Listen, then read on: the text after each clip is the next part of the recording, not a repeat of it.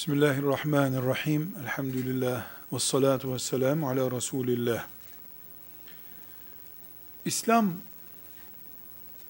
dininin sosyal hayatı belirleme, Allah'la kulluk bağlantısını kurup insanlar arasındaki ilişkileri belirleme, insanın kendisiyle ilgili sorunları çözmede ana politikaları diyerek bugünkü ifadeleriyle kullanalım. İslam'ın ana politikaları beş temel üzerinden yürür. İslam adına mesela devlet, İslam devleti, İslam adına hükümler verir, kurallar koyar, politikalar belirler.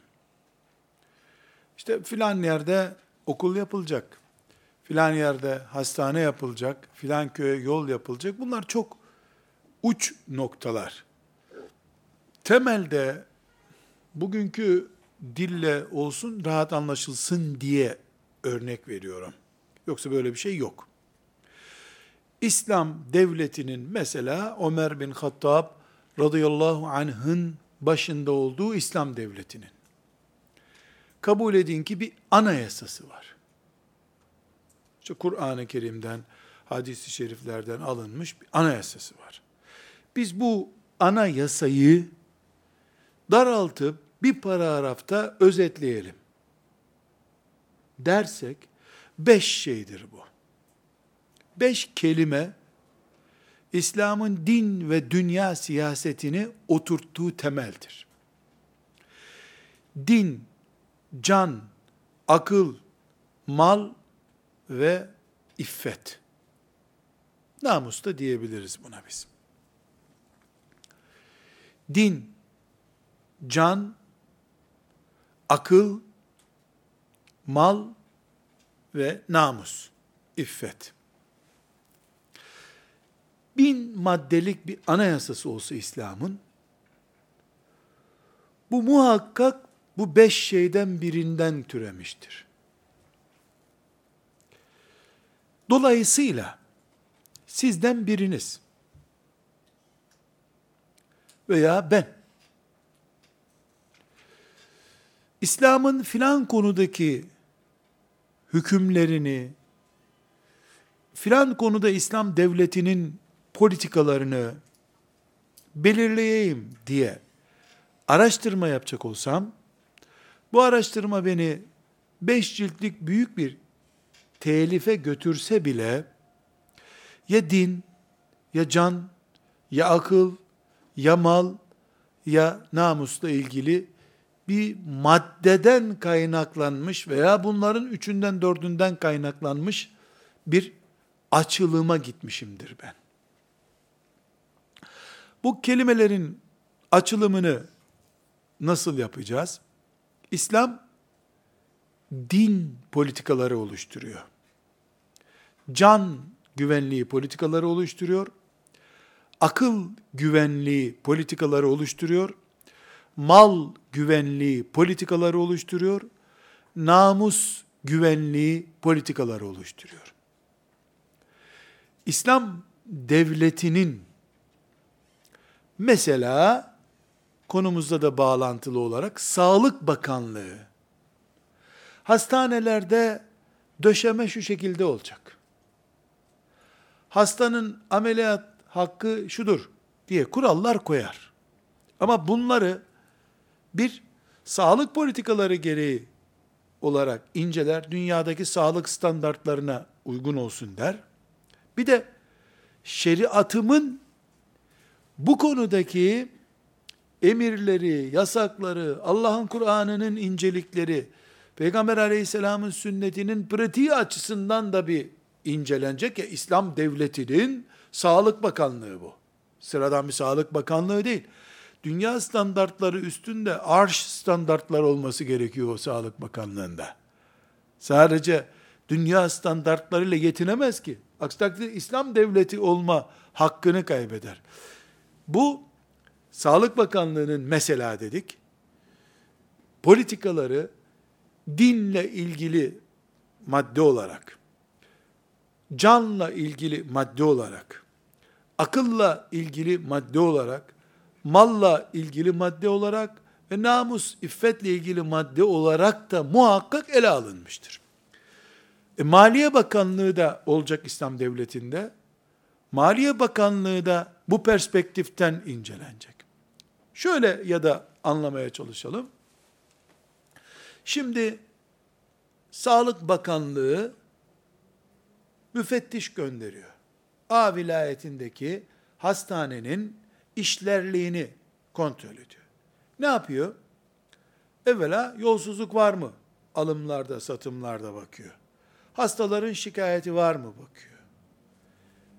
Ondan sonra doktorlar mesaiye uyuyorlar mı bakıyor. Çift mesai yapıyorlar mı bakıyor. Aletler eski, cihazlar eski mi, hijyenik mi ona bakıyor. İnceliyor, rapor tutuyor, şu şu eksik veya iyi diyor. Şu andaki Sağlık Bakanlığı böyle inceliyor. Yapacak başka bir şey yok. Ama mevcut Sağlık Bakanlığı Müslümanların emiri durumundaki bir halifeye bağlı olacak olsaydı yine denetleyecekti. Aynı şeyleri denetleyecekti hem de. İslam olunca ciğersiz insan olabilir diye solunum cihazı gereksiz burada diye bir madde olmayacak herhalde. Hastane gene hastane. Yine ihalelerde şu var mı bu var mı diye bakılacak. Yine e, doktorlar vaktinde gelip gidiyor mu bakacak. Alt üst ilişkisi nasıl ona bakacak. Askeri koğuş gibi mi hastaların yattığı yerler temiz mi ona bakılacak. Bir aynı incelemeler yapılacak. Farklı bir durum yok. Ancak halifenin de bulunduğu Ömer bin Hattab radıyallahu anh gibi birinin yönettiği İslam devletinde gelen müfettiş orada sağlık açısından rapor hazırladığı gibi İslam açısından da hazırlayacağından raporu bu beş maddeden birinin takılıp takılmadığına bakacak. Çünkü İslam devlet olduğu zaman veya devlet olmasa da din olarak yaşandığı zaman, İslam politikası diye bir politika belirleneceği zaman, bu beş şeyin olması gerekiyor. Mesela bu ne demek? Bir toplumda iffet, namus açısından sorun varsa o toplum İslam sorunu toplumu olarak oturmamış toplumdur. Akıl güvencesi diye bir sorun varsa insanların aklı ne demek tabii şimdi diyeceksin ki tımarhane olmayacak mı İslam toplumunda? Yani sinirsel hastalıklar o manada değil. İslam mesela uyuşturucu kullanmayı niye yasaklıyor? Çünkü üçüncü bende takılıyor. Akıl güvencesini tehlikeye sokan her şey yasaktır diye kural var. Bu temel anayasanın anayasası. Anayasanın da anayasası bu. Yani uyuşturucu caiz midir değil midir kimse soramaz. Niye? İslam devletinde vatandaşların can güvenliği kadar akıl güvenliği diye bir güvenliği olması gerekiyor. Çünkü Allah dinini akıl üzerine gönderiyor. Akıllı insanları dinine muhatap kabul ediyor. Akıl tehlike gördüğü zaman din yok kabul ediliyor. Din bu yüzden İslam dini aklı güvence altına. Aslında can güvenliği yani sağlık güvenliği politikaları içerisinde akıl güvenliği var zaten.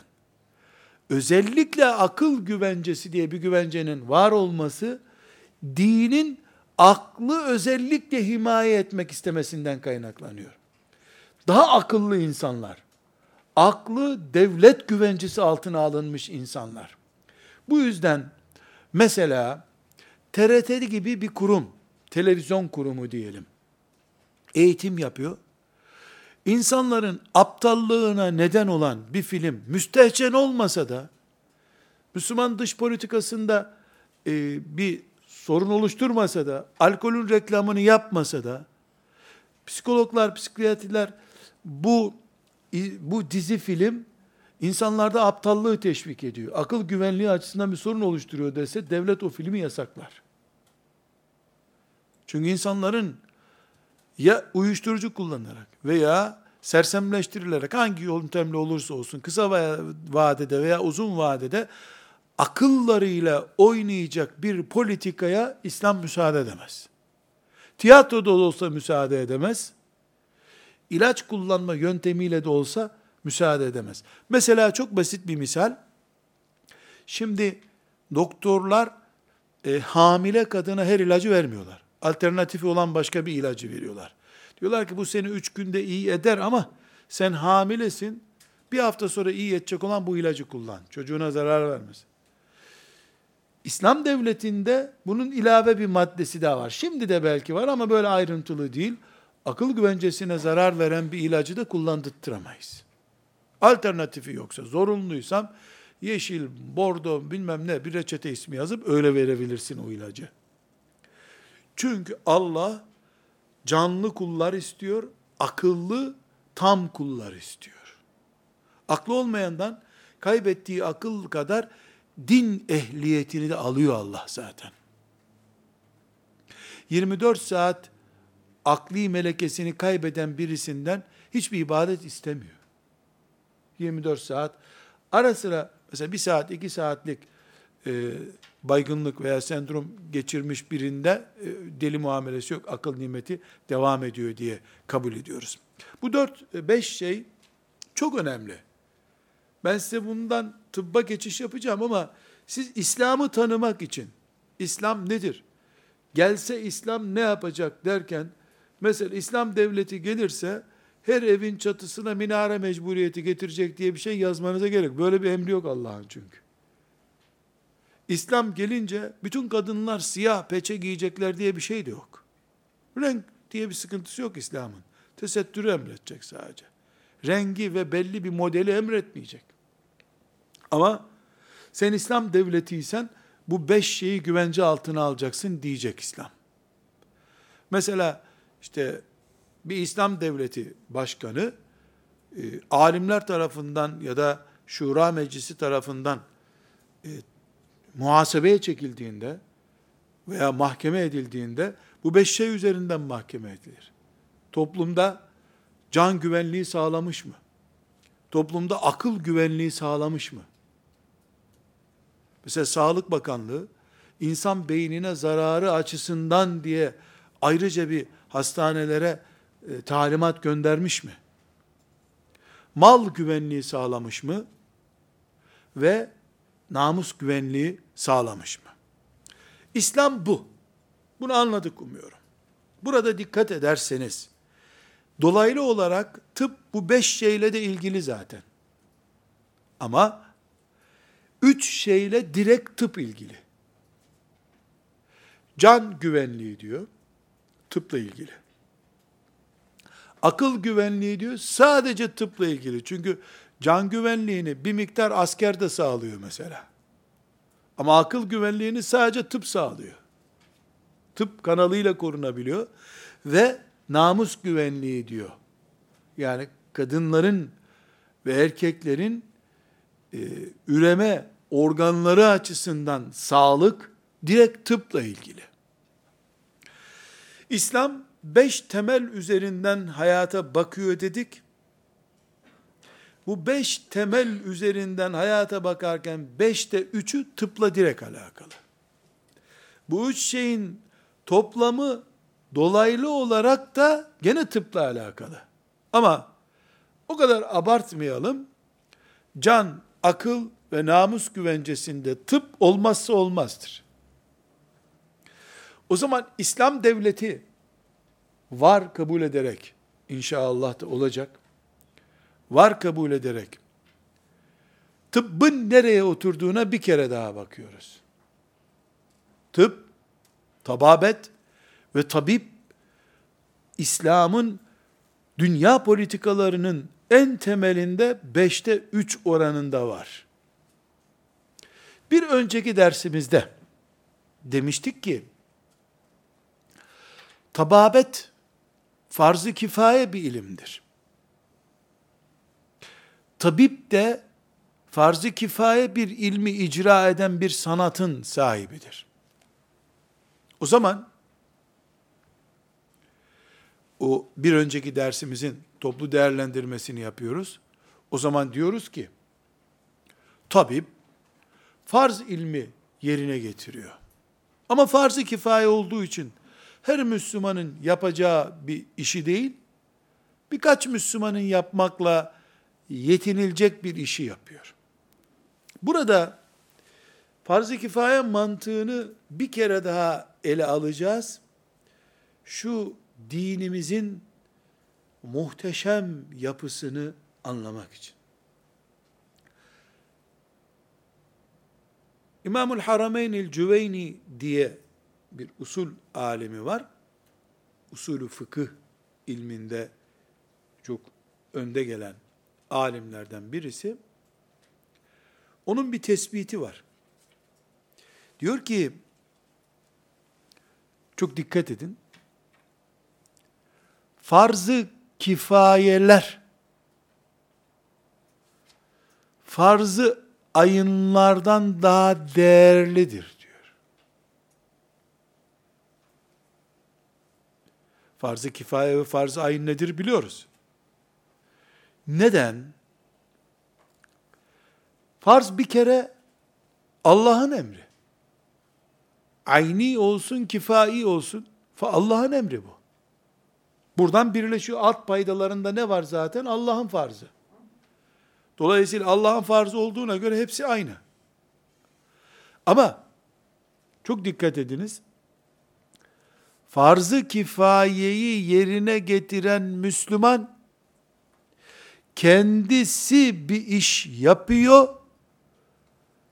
Pek çok Müslümanın da işini yapıyor. Sabah namazını farz-ı ayın olarak kılan sadece kendisi kılıyor. Farz-ı kifayeyi mesela ne demiştik? Yetime bakmak. Ne demiştik? Cenazeyi e, defnetmek. Farz-ı kifaye olarak. Bunları yapan kendisi iş yapıyor. O ortak alt payda olan Allah'ın farzını yerine getiriyor. Bu bir sevap. Bir de bu sorumluluğu taşıyacak olan ne kadar Müslüman varsa onların adına da bir iş yapıyor. Biz dinimizin gereği olarak fakirin açlığını gidermek için sadaka veren, ekmek veren birine sevap kazandı demiyoruz mu? Bir Müslümanın ihtiyacını hangi yöntemle olursa olsun karşılayana sevap kazandı demiyor muyuz? Diyoruz.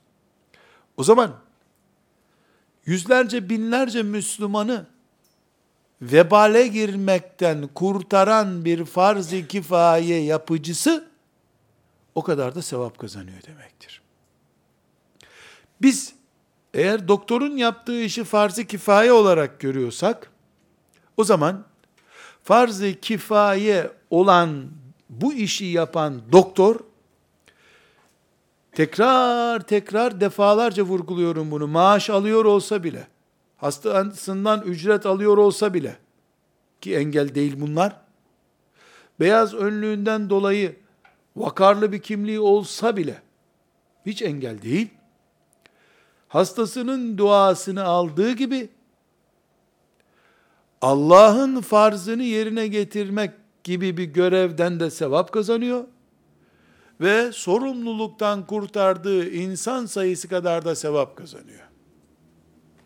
Kaldı ki bir can ihya ediyor, ayrı bir konu. Canın ya da ihya olmasına sebep oluyor. Burada bir başlık açmamız gerekiyor. O başlığın başlığı şudur. Demek ki doktor kendisini sıradan bir memur kabul edemez. Cami imamı kendisini sıradan bir devlet memuru kabul edemeyeceği gibi. Peki doktor kendisini ne kabul edecek? Cami imamı gibi abdestli olması gerekmediği halde Allah'ın razı olacağı ibadet düzeyinde bir işi yapmakla mükellef bir Müslüman olarak kabul edecek. Bu düzey onu yaptığı işi cihat, kendisini de mücahit kalitesine getirecek. O zaman başlığı şimdi açıyorum. Müslüman doktorun çünkü kafir doktor mücahit olmaz. Doktor olur. Tabii bir hazik, vasıflı uzman doktor olur. İnsanlık yapmış olur. insanlık kazanır. Müslüman, mümin hem sevap kazanır hem insanlık kazanır. İnsanlığa hizmet ettiği için.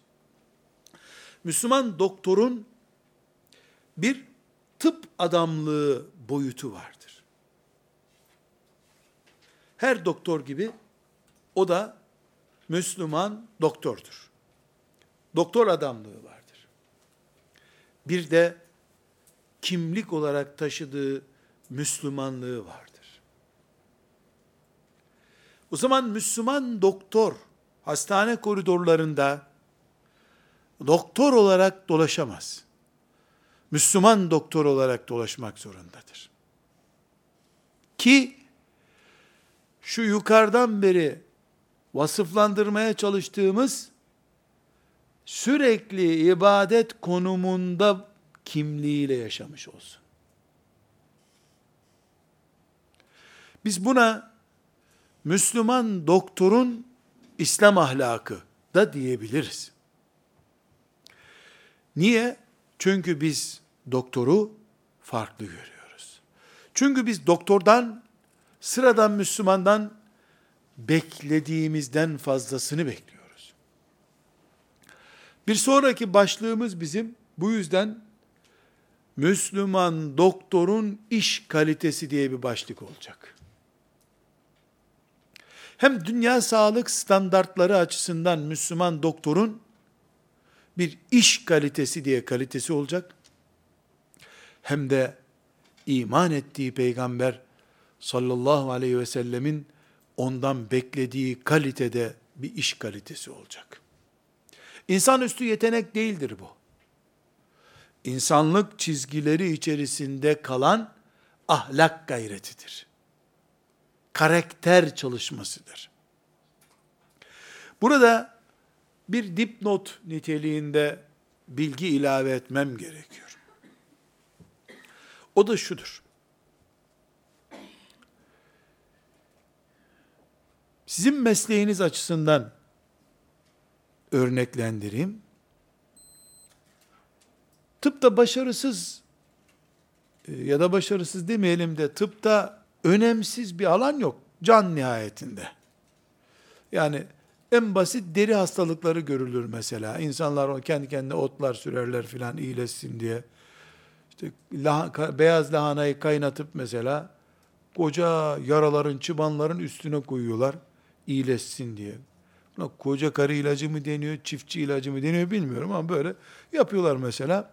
Kim bilir e, deri üzerinde basit bir müdahaleyle iyileşebilecek bir hasta ciğere kadar iniyor bu yüzden. Yani tıpta aslında önemsiz bir alan yok. Yani küçük bir çıbandan ölebilir insan. Hep kalp hastalığı çok ciddi görülüyor veya beyin ameliyatları işte ölümcül görülüyor. Çok basit bir keneden de gidiyor insan ama. Ama her halükarda böyle olmakla beraber e bir hastanede e, nöroloji ile cildiye de aynı değil. Beyin ameliyatıyla e, bir tırnak çekme de aynı değil herhalde. Bu gerçek. Tıp mesleğinde de böyledir. Diğer mesleklerde de böyledir.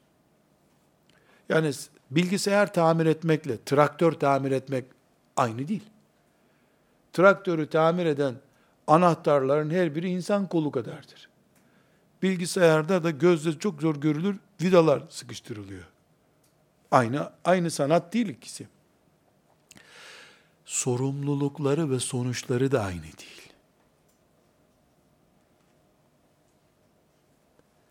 Beyin ameliyatının sonuçları da aynı değil. Sorumlulukları da aynı değil.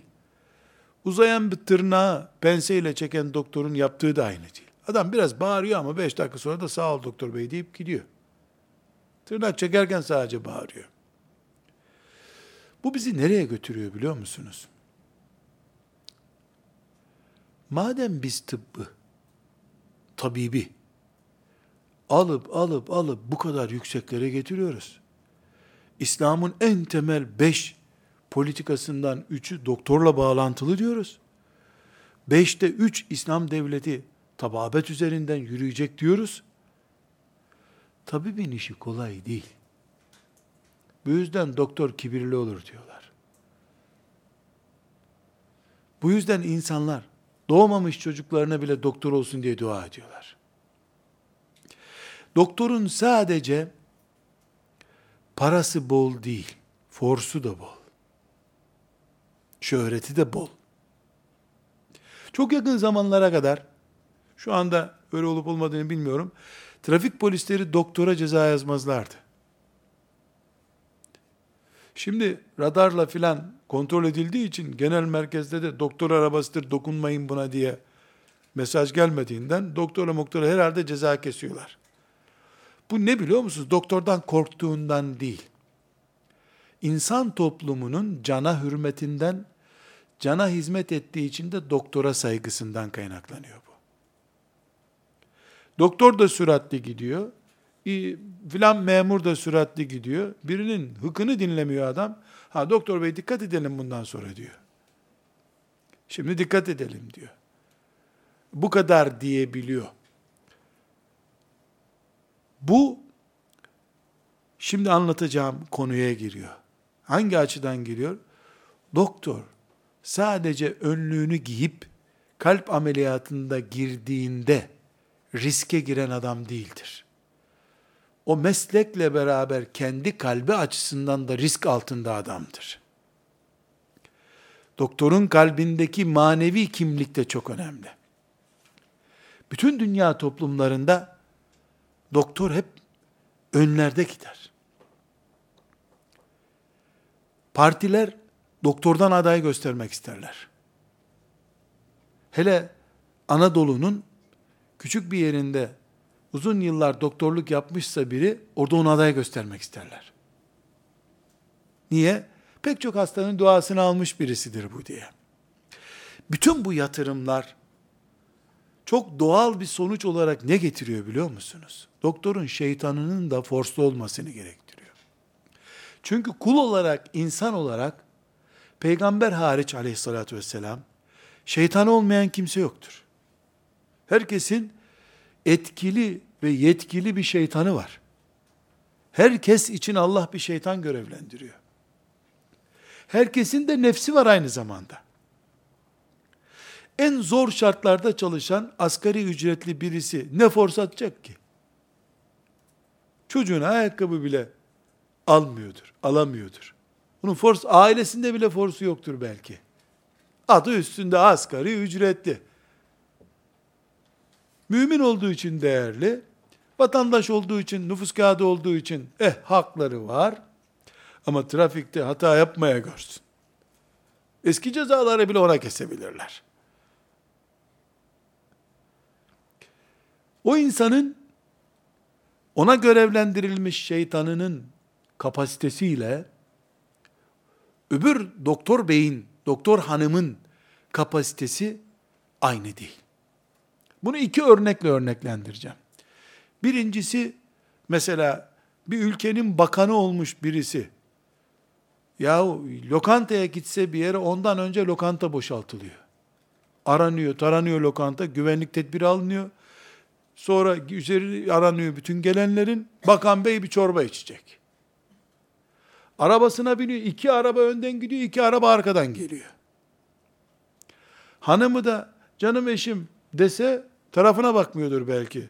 Bakan bey diyecek çünkü. Adam başka söz tanımıyor.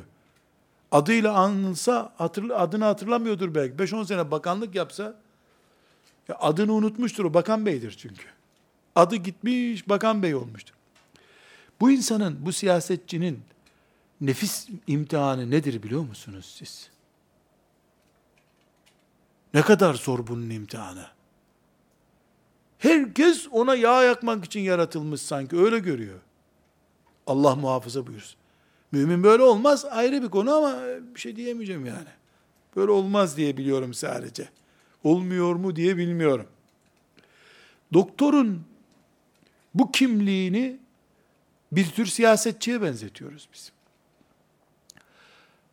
Bir gün bir hastanede bir arkadaşım başhekimdi. Ziyaret ettim. Cazip bir örnek veriyorum size. Dedim ki siz Müslümanca bir karakter sergilediğinizi söylediniz ama beraber hastaneyi gezdik. E, hastanede bayan doktor ismi görmedim ben dedim. Hep doktorlarınız erkek, bir tane bayan ismi dikkatimi çekti. Ben mi görmedim dedim. Yok bayan çalıştırmıyoruz dedi.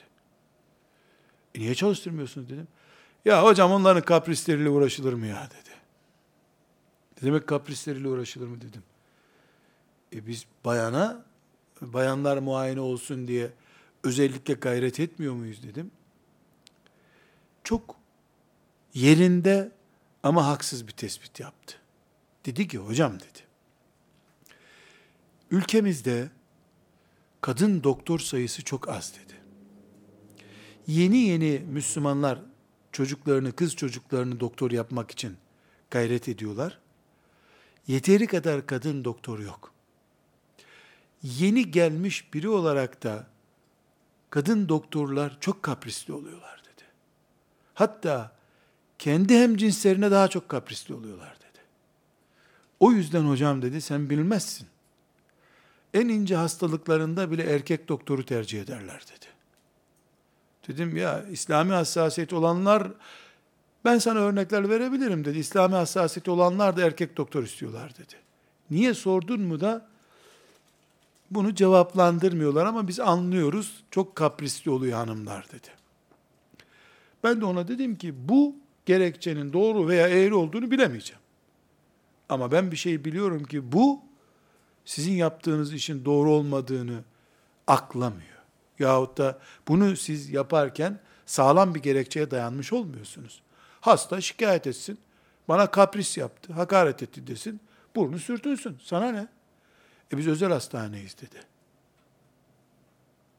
Şimdi burada o başhekim kardeşimizin Müslüman bir insan, yani hassasiyeti olan manasında Müslümansın. Kimsenin dini var veya yok diye bir başlık açamayız biz. Hassasiyetleri olduğunu söyleyen birisi. Bu tespiti nereden kaynaklanıyor? Müslümanların yeteri kadar yani sen git öbür doktor gelsin diyecek kadar mesela göz doktoru yok. Ameliyat yapan göz doktoru yok yoğun bir şekilde. Cerrah kapasitesi düşük bayanlarda. Mesela ortopedide düşük. Ee, yani böyle zor bir branşlara giremiyor bayanlar, yetmiyor. Ee, bayan sayısı yetmiyor. Olan da kendinin kıymetini iyi biliyor. O buna kapris dedi. Ben kıymetini iyi biliyor diye yorumluyorum bunu. Kıymetini iyi biliyor. Üniversitelerde, hastanelerde de benzer şikayetleri duyuyorum. Tamim haram gençler. Tamim yapamayız. Yani ne demek tamim? Bu böyledir, istisna yoktur diyemeyiz. Genel görüntü bu. Ama göreceksiniz, yeni e, bir 10 sene sonra inşallah, kadın doktor da erkek doktor kadar bulunacağı için kapris de kalmayacak, sıkıntı da kalmayacak, kendini beğenmeye vakit de kalmayacak. Mevcut doktor kapasitesi ihtiyacın 10 tane fazlasına çıkınca doktor da herhangi bir şekilde belli bir seviyede kalacaktır. Sırf bu yüzden biliyorsunuz kanunlar yani yabancı hekim çalıştırmayı ve işte e, kolay kolay doktor yetiştirmeyi önleyici nitelikte kuruluyor hep her ülkede. Neden? O ülkenin doktoru kendine güveni çok olsun, vatandaşa karşı görevini iyi hissetsin, vatandaş da ona kendisini mecbur hissetsin. Kanunlar böyle mi yazıyor bilmiyorum ama böyle olduğunu biliyorum. Böyle olduğunu anlıyorum. Her halükarda bu açtığım pencereden ne görüyoruz? Doktorun belli bir gururlanmasına müsait ortamı var. Her doktor böyledir demeyiz. Ama doktora üç kere soru soramıyorsun. Söyledim ya diyor. O arada zili çalıyor bir hasta gelsin diye. E ben, sen özel kavramların var, tıp kavramları bunlar. Öyle şeyler anlatıyorsun ki hayatımda duymadım bunları ben.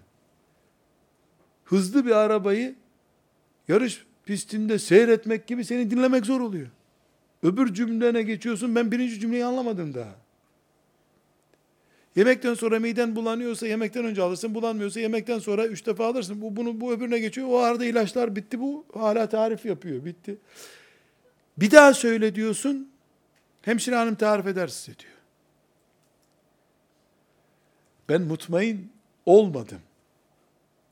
Vakti yok diye de, mazeret hazır tabi, vakti yok diye de, ama iki kere konuşmaya da zor ihtiyaç hissediyor. Bu zaten bütün vatandaşların tabipten şikayetleridir. Mecburen kanunlar vatandaşı da memnun etmek için tabibin bu tarafını dizayn eden açıklamalar getirmek durumunda oldu. Vatandaşın memnun olmasına yönelik 150 bin doktor mu var? 150 bin doktoru üzücü şeyler çıkardılar. Keşke doktorlar buna ihtiyaç hissettirmeselerdi. Doktorları kınamak için demiyorum. Belki bu sözlerimi dinlediklerinde bakarız elimize düştüğünde kibir nasıl oluyormuş diyorlardır belki. Hiç önemli değil ne dedikleri. Vakıa bu. Ama diyorum ki bu meslek verdiğim örneklerle de ispat etmeye çalışıyorum. Bu hastalığı üreten bir meslektir. Bunu önleyemezsin. Çünkü neden? Tıp fakültesine giren bir 18 yaşındaki genç ne iğne tutmuştur ne de iskelet görmüştür. Kadavra görse zaten o gece korkudan uyuyamaz.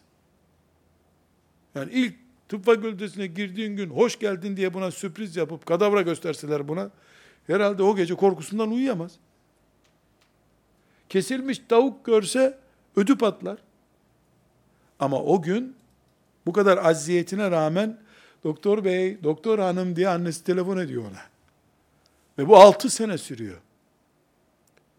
6 seneden sonraki uzmanlık çalışmasında zaten doktor bey. Ya bir insana 40 gün deli deyince deli oluyor da 6 sene üst üste beyefendi beyefendi dersen efendileşmez mi? Başkasının üstüne efendileşiyor ama. Asıl efendilik o değil tabi. Onun için diyoruz ki şimdi bu girişten sonra niçin, niçin bütün bu sözleri konuştuğumuza gelelim. Dok, Müslüman doktorun bir tababeti var. Dünyanın en çok insanı tanıyan, elinde en çok mahareti olan doktor olmak için mücadele ediyordur. Çünkü cihat görüyordur bunu bu. Bu doktorluğuna biz ikinci boyut olarak Müslüman karakteri damgaladığımız zaman bu doktordan altı şey bekliyoruz biz. Bütün bu bahsettiğim cihattır, sevaptır, farz-ı kifayenin iki boyutunu taşıyor, ümmetin göz bebeğidir. İmam Gazali bak ne kadar bunu teşvik etti. Konuştuk konuştuk durduk. İmam Şafii dinin yarısı bu, bu meslektir dedi. Bütün bunlar altı karakteri bulunan doktor efendi, doktor hanım içindir. Bir, tevazu. İki, sadakat, doğruluk. Üç, merhamet. Dört, adalet. Beş, haya. Altı, hilm. Yani yumuşaklık. Bu altı şey yüzünden okunduğu zaman o bahsettiğimiz adımları sevaba koşan doktor ortaya çıkmıştır. Dikkat ederseniz 6 yıl boyunca bu altı şey törpülenir tıp fakültesinde. Bilerek bilmeyerek ayrı bir konu. Yani hocalar bilerek aman e, şöyle kibirli olun diye tavsiyede bulunmuyorlar herhalde. Ne dedik? O ortam bunu oluşturuyor. O ortam bunu oluşturuyor. Bir örnek verdim mesela. İlk fakülteye girdiği gün tıp fakültesine kadavra görse, elbisesiz çıplak bir kadavra morgda, aha bu kadavra deseler, herhalde gidip öğrenci işlerinden e, kimliğini alıp ben daha okumuyorum de kaçar gider herhalde. Allah'tan ikinci, üçüncü sınıfta kadavra göstermeye başlıyorlar. Kesilmiş tavuğa bakamayan biri bu. Sonra kol kesecek, ayak kesecek hastanede. Yıllar dersler, seminerler, konferanslar talebeyi bu hale getiriyor. Bunun çok daha farklı bir örneğini iyi anlamanız için size vereyim. Medreselerde senelerce fıkıh okumuş, namazı ilmik ilmik incelemiş talebeleri namaz kılarken seyredin en çok onlar kaşınırlar. Namazı yeni öğrenmiş birine bakın elektrik direği gibi duruyordur. Namazın bozulur diye. Çünkü bir şeyin içine çok daldıkça o iş biraz sulanabiliyor. Be belli e, değerler eriyebiliyor. Aslında öyle olmaması lazım. Mesela Allah'tan en çok doktorların korkması lazım. Can almayı, can vermeyi bizzat yaşıyorlar orada. Mesela bir doktor ölümcül bir hasta kalp kalbi durmuş birisine bombalama yapıyor. O esnada nefes almaya başlıyor adam. Sevinçten gözleri yaşarıyor olabilir. Olmalı. Ve benim elimde bir insan yeniden Allah diyecek umuduyla yaşayacak. Hele bu adam öldü dirildi muhakkak Allah diyecektir. Diye e, Allah deme sevincini onunla paylaşır. Ve de bu mutluluğa alet olduğu için, sebep yarattığı için onu Allah, Allah'ın azametini en iyi gören biri olarak o gün secdeye kapanıyor olması lazım. Ama gel gör ki öyle olmuyor ne yazık ki. Niye? Her mesleğin kendi içinde sulanmışlığı vardır. Mesela e, hastane morglarında e, ölenleri yıkayanlar, böyle uzaktan kalın gözlükler takarak, maskeler takarak mı yıkıyorlar zannediyorsunuz? Yoksa kadınların bir mendili yıkadığı gibi mi yıkıyorlar? İkincisi maalesef. Maalesef demeyeceğim, öyle olmasa yıkayamazlar zaten. Neden? Adam günde 15 tane ölü yıkıyor. E sen de 15 havlu yıkadığın için çok kolay geliyor sana zaten. O da öyle yıkıyor. Mesleğin yıpratması söz konusudur. Medresede geçerli bu. Mühendislik fakültesinde geçerli. Tıp fakültesinde de geçerli. Her yerde geçerli bu. Ama ben eğer şeriatım seni dinimin beşte üçünün direkt müdahili olarak görüyor diye tıp fakültesinde yetiştiriyorsam, o umutla seni bekliyorsam ben senden fark isterim. Altı farkı isterim senden. Çünkü sen Allah'ın sanatına en yakın görevdesin. Sen mütevazi olamazsan kimse bu, bu dünyada mütevazi olamaz. Çünkü sen insanoğlunun acziyetini görüyorsun. Dün güreşçi 100 kiloluk rakibini kaldırıp yumurta gibi havada döndürüyordu adam. Bugün senin önünde yumurtadan daha cılız, sulu bir yumurta gibi duruyor senin önünde. Filan kiloyu kaldırmış siklet sahibi bir adam, sen onun kolunu kaldıramıyorsun. Yapışmış yere. Ölü gibi senin önünde yatan adam, sonra pehlivan gibi kalkıyor bir hafta sonra. Bu sahneleri seyreden, Allah'ın büyüklüğü önünde küçüklüğünü hatırlayıp tevazu sahibi olmayacaksa, bu dünyadan tevazuyu kaldırmak lazım. Ashab-ı kiram, niye öyle muhteşem tevazuların sahibi oldular? Onlarca mucizeyi canlı gördüler. Etki altında kaldılar. O mucizelerin benzeri hastanelerde her gün, tıp fakültelerinin morgunda dolu. İntihaniye o, o mucizelerle dolu. Tabipten bunu beklemek hakkıdır insanlığın. 20 katlı binayı yapan bir mühendisten bunu beklemeyebilirim ben. Görmedin mi vinçle nasıl kaldırdık bu harcı yukarı dese haklı adam. Ama tabip Allah'ın sanatına en yakın insandır. Bu yüzden şeytan vuracağı zaman önce tevazudan vurur doktora. Yaşlıya tenezzül ettirmez. O direkt tevazulu olma. Boş ver. demez kimseye. Şeytan böyle aptalca bir taktik kullanmaz zaten. Onun önüne belli putlar koyar. Kaç senedir okuyorum ben. Bir, put no bir. İki, bana ne işkence yaptırmışlardı o uzmanlık çalışmasında. Uf. Sabah kadar bana nöbet tutturuyorlardı. Kendisi orada uyuyordu, şu hastaya bak diyordu. Put no iki. Üç, adam gözümün önünde ölüyordu. Ben istesem müdahale etmezdim. Adamı kurtardık şuna bak ya. Hiç Allah yok meydanda. O kurtardı. Üç, put no üç. Bunun gibi bir sürü putları var doktorun. Hocanın da var. Hocanın da var. Mühendisin de var. Siyasetçinin de var. Ama Allah'ın sanatına en yakın insan doktordur. Doktordan tevazu bekleme hakkı kadar insanlığın başka bir meslek erbabından yoktur herhalde. Doktora da Allah'ın tevazusu karşılığında vereceği sadaka sevabı kadar başka bir kul sevap almıyordur herhalde. وَمَنْ أَحْيَاهَا فَكَأَنَّمَا أَحْيَا النَّاسَ جَمِيعًا Bir bebeğin hayata dönmesine vesile oluyorsun, tek bir bebek ya.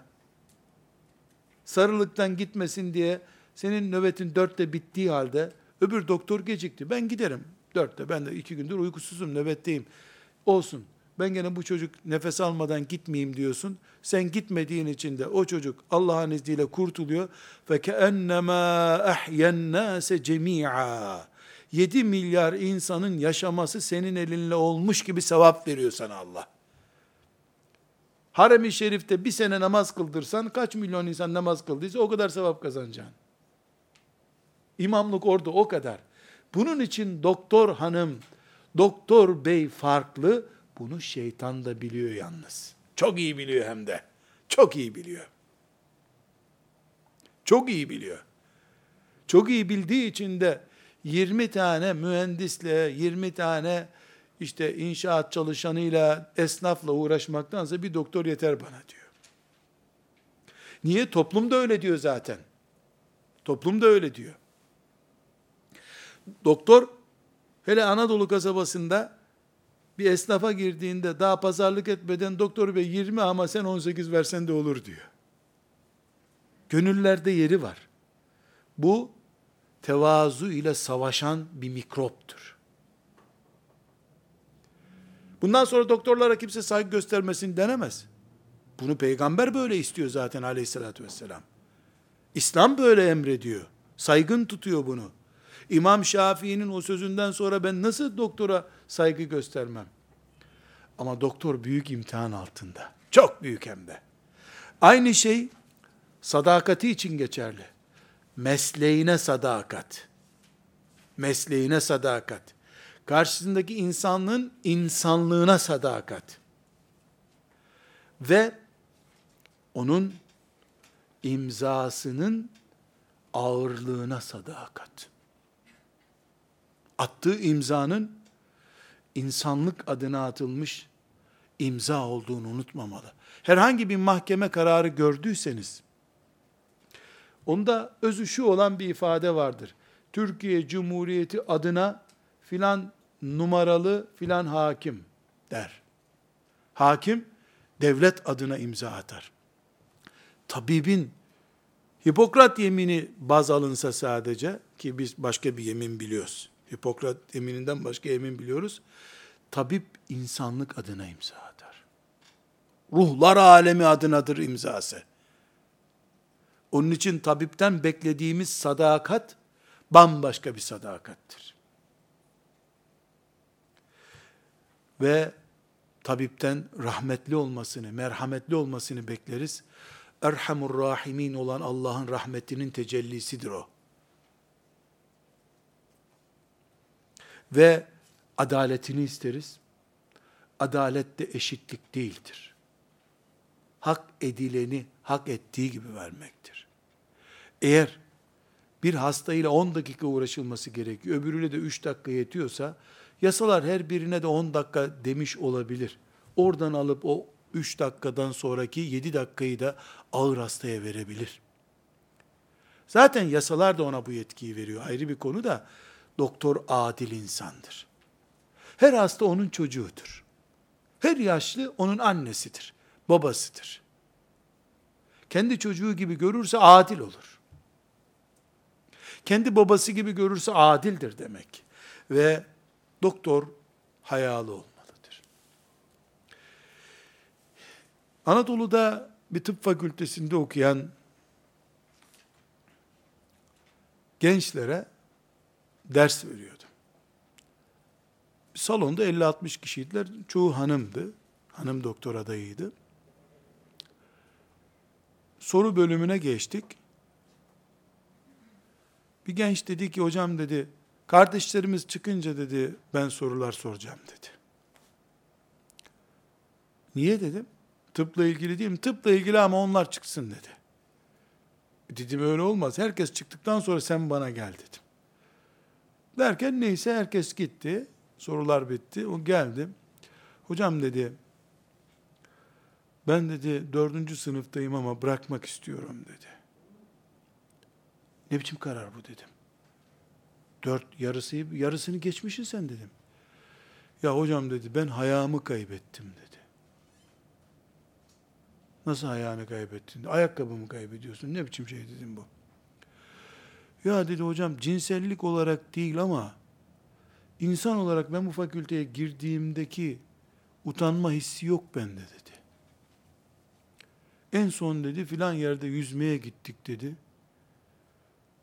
Ben dedi çocukken babam beni götürürdü. Yüzenlerin yanında yüzemezdim, utanırdım dedi. Çok feci bir şekilde yüzdüm orada dedi. Ben de haya kalmamış dedi. E al bir yerden dedim madem kaybediyorsun. Ya namaz kılıyorum geri gelmiyor dedi. Oruç tutuyorum geri gelmiyor dedi. Onunla epey bir zaman yazıştık biz. internet üzerinden. Bitirdi. Fakülteyi bitirdi. Ben ondan çok ders öğrendim. İlk haya damarı nerede çatlamış onu size anlatayım. Bir kadavra üzerinde hocası bunlara kadavrayı tanıtırken bir sürü talebe erkek kadın orada bu cinsel organ tanıtımında erkek de olsa şöyle olur, bayan da olsa böyle olur diye e, hoca kadavranın organını eline almış bunlara göstermiş. Kız erkekli topluca kahkaha atmışlar. Kahkaha atmışlar. Ondan sonra hoca dışarı çıktıktan mı ne zamansa o kadavrayı almış birbirlerine fırlatmışlar. Bu da gülmüş o zaman. Arkadaşlar işte genç şakası dedi ki her mesleğin kendine mahsus bir işte zafiyet noktaları diyelim. Mesela orada hocanın da sorumluluğu bu tabi ama e, işte herhalde o o esnada hocanın da o espriyi mi yapması lazım ürkütmemek için onları neyse. O günden sonra ben haya sorunlu bir Müslüman oldum diyor. O yırtılma nedeni olmuş hayasında. Ama bu kesinlikle böyle olması gerekiyor diyemeyiz. Onun karşılığında da dedim ki ona güzelim madem böyle bir sorunun oldu niye bir cenaze defnine gitmedin öbür gün? Hayan yeniden eskisinden daha fazla geri gelirdi. Kefeniyle mezarda sen ölüyü görsen aylarca gülemezdin. Efendimiz ne buyuruyor bu haya yırtılmalarına karşı? Şu ölümü hayatı ve lezzeti parçalayan ölümü çok hatırlayın diyor.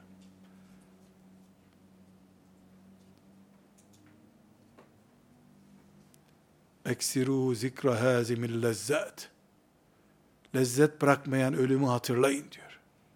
Çok baktın ki nefsin kabarıyor, bir mezarlık ziyareti yapabilirsin. Bir cenazenin defnine katılabilirsin. Bak bakayım kadavrayla oynamaya benziyor mu?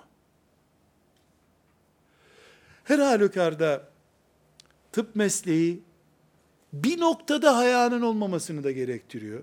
Belli ölçülerde. Hasta konuşurken maske mi takacaksın? Belli hastalıklar yüzde yüz hayanın hastada da doktorda da olmadan işlemesini gerektiriyor. Genel cerrahi hayanın belli yerlerde kullanılmaması gereken bir meslektir. Üroloji haya yüzde yüz uygulansa urolojinin iptal edilmesi lazım. Kadın hastalıkları hastalığı da öyle. E, böyle bir şey de olmayacağına göre orada yani tıpkı bir tehlikeli alet kullanır gibi hayanın bir bölümü iptal ediliyor. Ve altıncı beklentimiz doktordan yumuşak olmaktır. Çünkü doktoru biz anne gibi görmek isteriz. Dövse bile dövdüğü kaşıtır gibi olmalıdır. Kaba doktor, sert doktor, merhameti gitmiş doktor, sempatik değil. Allah'ın kullarına sempatik olmayan, Allah'a da yakın değil. Meslek ciddiyetiyle bunu karıştırmıyorum ama. Meslek ciddiyeti başka bir şey. Meslek ciddiyeti, eh, o bizim zaten imanımızla alakalı bir konu. Baştan sona anlatıyoruz. Şimdi bu son başlığı tekrar toparlıyorum. Dedik ki, doktorun Müslüman olduğu zaman iki boyutu var. Bir doktorluğu var, onda beş parmağında beş maharet niteliği için uğraşır. Emekli olmak zorunda olsa bile öğrenmeye devam eder. Pratiğe devam eder. Bir de yakasında Müslüman yazdığı için, alnında secde izi bulunduğu için doktordan beklediğimiz artı yetenekler var. Bunlara Müslüman doktor karakteri veya ahlakı diyebiliriz. Biz Müslüman doktor cihat halinde, sevap halinde, hep sürekli sevap kazanan, ibadet pozisyonunda olması için mütevazi olması gerekir. Kibirli bir insana Efendimiz sallallahu aleyhi ve sellem cennetin kapılarını kapatıyor, velev ki doktor olsun. Kalbinde zerre kadar kibri bulunan cennete girmeyecek diyor. Doktor olmuş, imam olmuş, müezzin olmuş değişmiyor ki. Ve doktordan sadakat bekliyoruz. Mesleğine sadakat, insana sadakat, imzasına sadakat. Kaşe diyelim, şimdi imza değil kaşe oluyor. Kaşesine sadakat. Ve doktor merhametli olacak. Erhamur Rahimin olan Allah'ın kuludur o. Ve Allah'ın rahmeti onun elinde tecelli edecek. Doktor adaletli olacak. Doktor hayasını kaybetmeyecek. Belli ölçüleri koruyarak. Ve doktor halim insan olacak. Yumuşak insan olacak. Merhamet başka, halim başka. Bu ayrıntıya sözlük bilgisi olduğu için girmiyorum. Ve sallallahu ve sellem ala seyyidina Muhammedin ve ala alihi ve sahbihi ecma'in velhamdülillahi rabbil alemin.